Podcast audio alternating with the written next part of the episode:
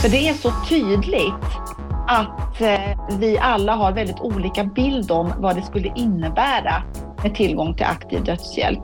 Vi hörde av sig personer som sa om jag blir av med ett ben, då vill inte jag leva längre. Om jag blir dement som min pappa, då vill inte jag leva längre. Och den typen av hjälp kommer ju aldrig någonsin att kunna bli verklig. Hej allihopa! Nu är vi tillbaka igen i podden hur tänkte ni nu? Det här är Karo. Hej Anna! Hallå ja, Karo. Hej alla! Vad ska vi prata om idag? Ja, vi, vi har ju haft ett ämne egentligen som vi har tassat runt under egentligen alla år som vi har haft den här podden, eller hur? Vi har mm. haft många idéer. Vi har egentligen en lista som vi jobbar utifrån och så känner vi lite på ämnena och så lägger vi dem åt sidan och så tar vi tillbaka dem igen. Men det här ämnet har vi bägge två tyckt har varit åh, så jobbigt har vi känt ja. många gånger. Vilket är det? Ja, det är frågan om dödshjälp som är så stor och komplex och svår att greppa, svår att ta ställning i. Ska man ta ställning? Måste man det? Eh, hur ska vi förhålla oss till det? Ja, det är svårt. Det är jättesvårt tycker jag. Den här diskussionen om dödshjälp tog ju fart igen i samband med, med att den här buddhistmunken Björn Natthiko och Lindeblad eh, valde att eh, ta sitt eget liv i samband med att han hade fått en ALS-diagnos. Vi tänkte att vi skulle lyfta den här frågan i, i lite olika perspektiv. Det är väl tanken i alla fall. Så att, eh, så att det inte handlar om vad som är rätt eller vad som är fel. Eller helt enkelt belysa lite olika uh, ingångar i den här frågan. Och med lite olika gäster är väl vår plan. Sen får vi se mm. hur det går. Men idag har vi i alla fall fått med oss en gäst. Och det är Lise Lidbeck från Neuroförbundet. Hej Lise! Hej! Välkommen! Du är förbundsordförande på Neuro och du har engagerat en del i den här frågan. Ja, eh, det blev ju så i början här på året eh, då när eh, den här buddhistmunken Björn Atteko Lindblad valde att ta sitt liv. Det var kanske egentligen inte ens meningen att jag skulle gå in i frågan så starkt som jag gjorde tillsammans med förbundet. Men det var olika saker som ledde till att det faktiskt blev så. Berätta. Eh, jo, men precis som du sa där i inledningen så blossar ju den här debatten upp med jämna mellanrum. Och eh, varje gång den här debatten har varit uppe så har vi också, vi, när vi blivit tillfrågade, redogjort då för vår ståndpunkt. Det vill säga då att vi tar ett starkt avstånd ifrån alla former av aktiv dödshjälp. Det vill säga att medicinska eller andra åtgärder då som syftar att avsluta liv. Och det finns skäl till det och det skulle jag kunna gå in på också sen om det kan vara intressant. Men, men i alla fall, men vi har nog gjort ändå som de flesta andra. Att vi, vi har liksom inte valt att ge oss in i debatten utan vi har lutat oss mot vår ståndpunkt. Och mer som eh, de flesta andra varit iakttagare av vad som har skett. Men nu så var det i alla fall en väldigt speciell person som valde att göra en ovanlig handling. Och eh, Björn Attiko Lindeblad är ju, är ju, jag säger fortfarande, eh, en väldigt folk Eh, kär person som har satt ett eh, stort avtryck, skulle jag vilja säga, hos väldigt många. Inte minst med sin livsfilosofi. Och eh, nyheten slog ju ner som en bomb. Det är ju inte jättevanligt heller att buddhistmunkar väljer att ta sådana drastiska beslut. Det är också som en väldigt stor offentlig eh, sak, eh, eller hur? Han, han valde ju verkligen att gå ut i offentligheten. Och man kan säga att det var ett statement och han uttryckte ju också mm. väldigt tydligt att det var hans önskan att, eh, att personer som kände honom och, och så kände för hans sak skulle driva på så att det skulle komma någon form av lex Natthiko.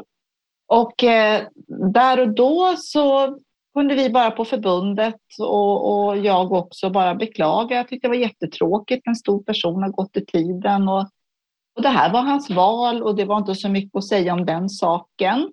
Utan eh, vi gick i likhet med många andra förbund ut och beklagade det som hade hänt. Men sen hände det saker efter hans eh, frånfälle, ett par dagar efteråt, för då, då blossade ju den här frågan upp igen. Vad var skillnaden då? Alltså från, från början var det helt enkelt att man nåddes av hans besked och att han valde att göra det offentligt. Men vad, vad hände därefter? Men sen kom det då eh, ett samtal från P4 Halland dagen efter där jag blev inbjuden att vara med då i ett program som skulle handla just om dödshjälp. För att det här var ju jättestort. Debatten blossade ju upp på ett sätt som den aldrig hade gjort förr, så som jag ser det. Och en väldigt stor plats i den debatten fick då Staffan Bergström som är ordförande för föreningen Rätten för en värdig död.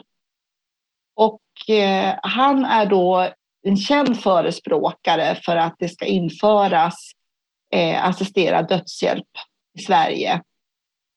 Han var också med på det här radioprogrammet och han hade också varit rådgivare till Björn för hur han skulle då kunna gå tillväga för att eh, kunna göra just det här att aktivt då kunna ta sitt liv själv då i hemmet. Och när vi satt i det här radioprogrammet, jag hörde ju inte honom för det var inspelade avsnitt hos båda. Men när vi sen satt där efteråt och lyssnade igenom på Neuroförbundet så uttryckte då han väldigt tydligt att när verktygslådan, som han uttryckte det, när det gäller den palliativa vården är tom, då skulle man ju vilja, då vill man ha tillgång som läkare till de här redskapen som finns exempelvis i Belgien och i Nederländerna. Och sen kom då det kontroversiella när han säger att men det pågår ju redan. Det finns ju redan idag på svenska sjukhus. Jag har själv hjälpt många svårt cancersjuka kvinnor genom att ge dem en överdos morfin så att döden inträtt. Och vi uppfattade det här så pass anmärkningsvärt. Vi lyssnade på det flera gånger därför att det, den här läkaren här beskriver det är en handling som är olaglig i Sverige. Och det hade inte ens eh, hjälpt att patienterna själva bett om hjälpen, utan det är fortfarande en olaglig handling. Och efter att ha resonerat med min styrelse och med förbundet i övrigt hur vi skulle gå tillväga i det här. Skulle vi agera eller inte? Så kunde vi bara landa i att vi måste göra det. Därför att det här är så pass allvarligt, för vi har idag ingen eh, legaliserad aktiv dödshjälp i Sverige. Ni måste anmäla honom. Eh, vad blev det då? Anmälan för mord eller vad, hur, hur, hur, hur tolkade ni det då? Vi kan säga så här, vi valde faktiskt att inte anmäla för något särskilt. Alltså, den kunskapen har inte vi helt enkelt som förbund, eh, den juridiska mm. kunskapen. Däremot ville vi att det här skulle prövas och eh, vi ville ha det utrett om det skedde så som han beskrev i radioprogrammet. Att det försiggår alltså aktiv dödshjälp på svenska sjukhus fast det inte är legalt. Vi tycker alltså då att det var upp till polisen att utreda om det hade skett en olaglig handling eller inte. Vad blev hans reaktion på det? Ja, hans reaktion var ganska lugn, eh, tror jag. Han eh, beskrev i eh, media att han tyckte det var huvudlöst av oss. Han eh, hänvisade då till ett annat fall något år innan där han hade hjälpt en annan eh, person med ALS och då han själv polisanmält sig för att då få det utrett om det var ett brott eller inte. Eh, men, men det var ju det fallet där och då.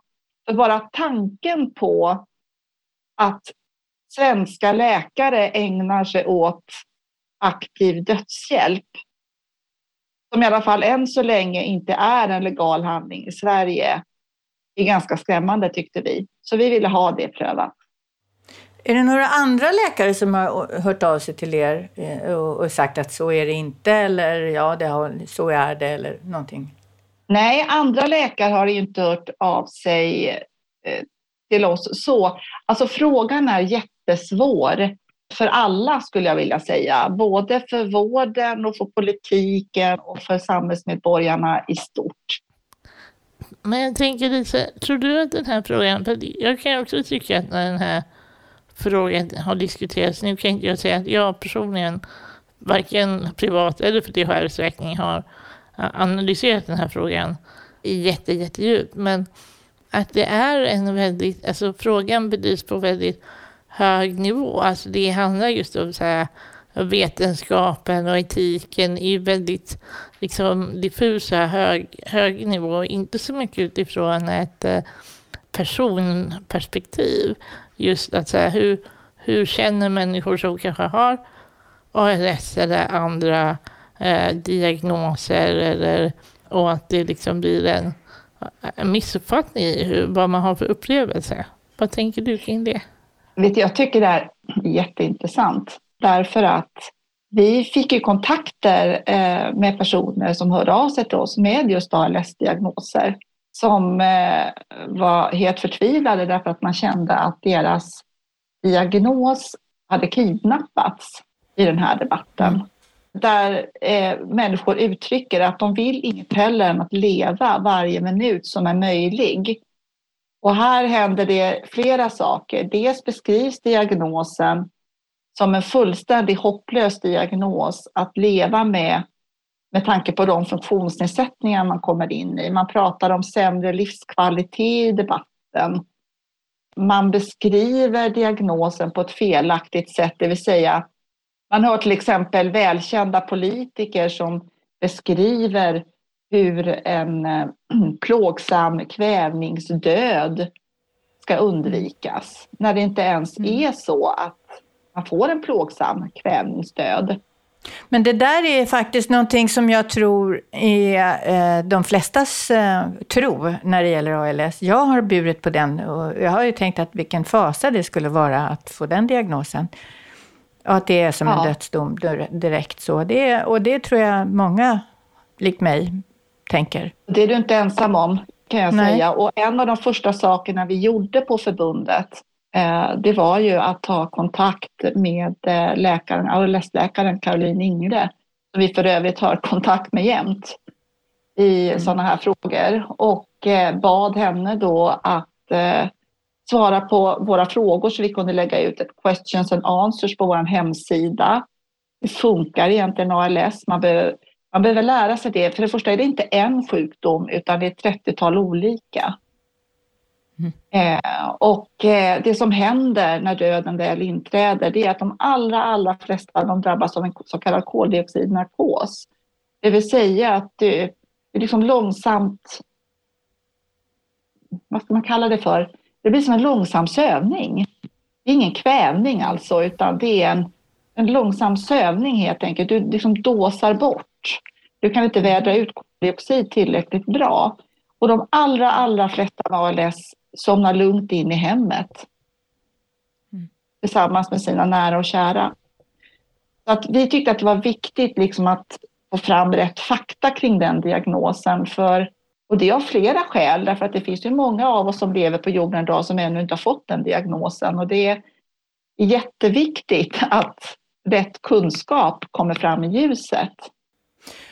Men den här stora diskussionen om dödshjälp eller inte handlar ju väldigt mycket om en form av rädsla för att inte livet ska bli, att, att livet ska bli obrukbart, att man inte ska kunna, för det vet jag flera människor som är runt omkring mig som har olika funktionsnedsättningar som kan, och du Karo bland annat har ju fått fråga, liksom här konstaterandet, usch jag skulle aldrig klara det eller jag skulle inte vilja, tänk vad hemskt och, och, och så vidare. Att man liksom har en eh, en bild av att ha en funktionsnedsättning som en dödsdom generellt. Och att inte mm. livet är värt något. Ja, och det finns väldigt många sådana föreställningar i oss. Och jag skulle nog mm. vilja säga också att det där ligger liksom någonstans i vårt DNA, i vår biologi. Mm. Jag tror att det finns mycket sådana rester från när vi var samlare och, och jägare där det alltså kunde vara direkt livshotande att drabbas till exempel av en rörelsenedsättning för då kunde det komma ett lejon och äta upp oss. Alltså det är bara min egen högst amatörmässiga analys. Men jag tänker på det ibland, att det, liksom, det sitter där rädsla liksom för det som inte är, nu sätter jag situationstecken, det som är det normala. Det intressanta är att de här mm. rädslorna finns framförallt hos människor som inte vet vad det innebär.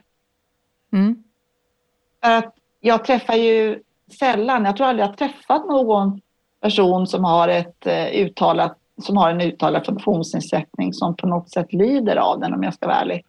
Det bara är livet, om jag säger så. Nej, men jag tänker också, det, det handlar ju liksom mycket om det som både det här och kanske ännu mer neuro när det gäller just det här individbaserade, just det här med om man hade fått tillgång till de mediciner man behöver, om man får tillgång till den rehabilitering man behöver Eh, och sådana saker så, så skulle ju eh, livet heller inte vara så jobbigt som det kanske också är på personnivå heller. Alltså att eh, det, om man bortser från att men, mm, normen räds för att få en funktionsnedsättning, ja absolut. Men, men när man väl kanske har en funktionsnedsättning så är det klart att man inte vill ha smärta eller vad det är och att det är asjobbigt att varje dag behöva slåss för sina mm. rättigheter. Och om man satte sådana saker på plats så, så är det självklart att människor har ett gott liv. För annars skulle ju tesen vara att alla personer som har någon typ av funktionsnedsättning har ett enda stort lidande. Och det tror jag det är få av oss som skulle gå med på. Du har alldeles rätt där i det du säger. Och jag för min del kan, skulle faktiskt vilja uttrycka det så här att, att en så stor andel av svenskarna ställer sig positiva till aktiv dödhjälp, eller dödshjälp Eh, det är egentligen, tycker jag, ett annat sätt att säga att vi känner oss otrygga med eh, vad samhället kan erbjuda och hälso och sjukvården kan erbjuda mig ifall jag blir sjuk eller om jag får en funktionsnedsättning. Mm. Och att då kunna ha det här som någon slags reträtt, att det skulle bli någon slags trygghet. Mm. Och samtidigt så kan jag se att det sättet att resonera på kan bli väldigt problematiskt. För att, som du säger där Carolina, vi, vi kämpar ju idag för att få den vård vi behöver, för de läkemedel vi behöver, för rehabilitering vi behöver. Och ett av skälen till varför Neuro tar avstånd, eh, och jag vill också lägga till att alla medlemmar tar naturligtvis inte avstånd, men vi har ett kongressbeslut då återigen. Men vi ser liksom att en, om det fanns en aktiv dödshjälp så öppnar det liksom upp för en tvekan om huruvida vård och forskning ska satsas för att lindra och bota svåra sjukdomstillstånd och funktionsnedsättningar. Alltså är man samhället beredd att satsa på aktiv dödshjälp är de samtidigt beredda också att satsa på mer forskning då för att och, och även godkänna dyra läkemedel och så vidare. Det kan vi inte veta. Men ändå så ser vi att det finns en risk här för ett sluttande plan. Eh, du Lise, vad var det som hände sen efter att ni hade gjort den där polisanmälan? Det var jättestora reaktioner från alla möjliga håll och många hörde av sig. Men för mig så var det tydligt ändå att den här debatten är så viktig och den måste få fortsätta. För det är så tydligt att eh, vi alla har väldigt olika bild om vad det skulle innebära med tillgång till aktiv dödshjälp. Det hörde av sig personer som sa om jag blir av med ett ben, då vill inte jag leva längre. Om jag blir dement som min pappa, då vill inte jag leva längre. Och den typen av hjälp kommer ju aldrig någonsin att kunna bli verklig. Så jag tänker att den här, det är viktigt att den här frågan fortsätts att debatteras och att eh, vi, vi liksom någonstans landar i någon slags konsensus om vad är det vi egentligen vill ha. Men det var väl en väldigt bra avslutning på det här samtalet som vi skulle kunna hållit på med hur länge till som helst. Men vi kommer ju försöka göra flera avsnitt med lite andra människor och försöka ringa in det här, vad det handlar om och det svåra i den. Du ska ha jätte, jättestort tack för att du ville vara med oss och prata om det här. Lisa Lidbeck, förbundsordförande på Neuro. tack så mycket för att jag fick vara med. Tack, hej. Ja, gärna. Det är spännande det här. Ja, det är så det otroligt spännande. Och, och det Lise pratar om tycker jag också tangerar här fantastiskt intressanta liksom, temat rätten till liv också. För att mm. vi vet ju liksom att äh, vi räddar barn i väldigt unga ålder till ett liv med allvarliga funktionsnedsättningar. Och det är ju ingen tvekan om det. Men å andra sidan så har vi den här pariteten. Mm. Att nej, men det livet är inte värt att leva, så det ska vi ta bort. Mm. Det, blir en, men det blir ju en väldigt märklig tankevurpa här på något vis. Mm. Mm. Som vi absolut Just. behöver prata mer om, känner jag. Och en annan tanke som jag har burit på ganska länge, det är vilka är det som främst debatterar, vilka är det som är argast? Och, eh, om jag ska vara väldigt sådär gamängig, överslätande. Så det är äldre farbröder som har sett sina mammor lida och som är väldigt, väldigt upprörda över detta. Om jag nu ska, nu är jag jätteelak, men, men alltså jag har funderat mycket på det här med lidandet också. Vem är det som lider? Vem är det som mm. driver och lider? Det här är saker vi skulle vilja prata mera med andra människor om också. Ja, men vi får ju anledning att komma tillbaka till det här ämnet i, i, i flera avsnitt. Ja, det är hur stort som helst och väldigt komplext. Så håll öronen öppna. Vi är snart tillbaka. Hej då! Yes. Ha det gott. Hej, hej!